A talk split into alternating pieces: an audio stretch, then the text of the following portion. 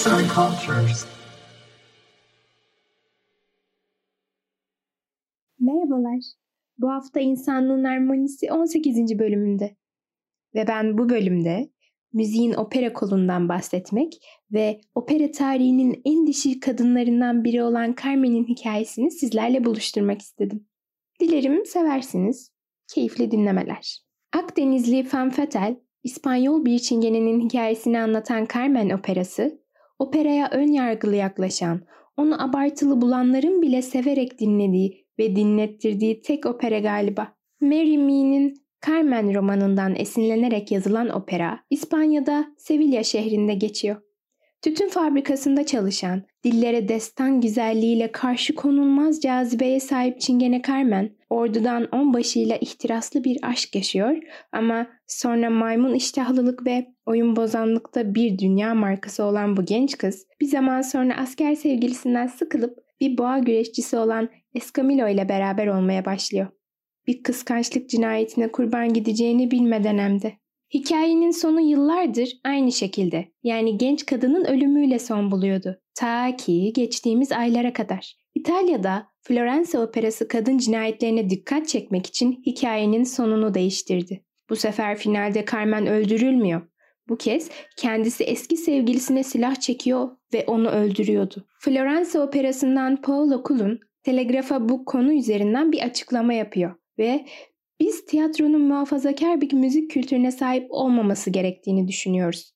Carmen, 150 yıl önce çok farklı bir kültürel bağlamda yazılmıştı. La Repubblica gazetesine konuşan Florence Operası'nın yöneticisi Cristiana Chiarotta da toplumumuz kadınların öldürülmesiyle yüzleşirken nasıl bir kadının yani Carmen'in öldürülmesini alkışlayabiliriz diyerek bu alternatif sona destek olduğunu vurguluyor. Bu cesur hikaye sahnelendiği ilk dönemde elbette tepki görmüş. Ahlaki değerleri pek de yüksek bulunamamış. Bize eseri sahneledikten 3 ay sonra oldukça genç bir yaşta 37'sindeyken vefat ediyor. Birçok sanatçı gibi o da sanatının kıymetini bilindiğini görmeye ömrü yetmeyenlerden biri. Acaba bize operasının özellikle de aşk evcilleştirilemeyen bir kuştur diyen Avenera aryasının bu kadar dillere pelesenk olacağını tahmin edebilir miydi? Avenera, aşk, vahşi bir kuşa benzer. Ehlileştirmeyi deneyen. Pişman olur, çağırman boşuna. Eğer istemiyorsa gelmez. Bir şey istenemez, tehdit veya ricayla. Ne tatlı sözler yardım eder, ne de hışım. Kalan her şey boştur. O sussa bile. Ben iyiyim. Evet, iyi. Evet, iyi. Evet, iyi. Yalnızca cesaretli. Aşk bir çingeneye benzer kural tanımaz. Sen beni sevmesen bile ben seni severim. Ve seni seviyorum. Dikkatli ol. Sen beni sevmesen bile sen beni sevmesen bile ben seni seviyorum. Ve ben sevdim mi? Gerçekten severim. Dikkatli ol. Sen yakaladım sanarken kaçar gider kanatlarını çırparak onu boşuna ararsın. Endişelenmeyi bıraktığında gelir etrafını sarar, yaklaşır, kaçar. Sonra tekrar yaklaşır, etrafını sarar.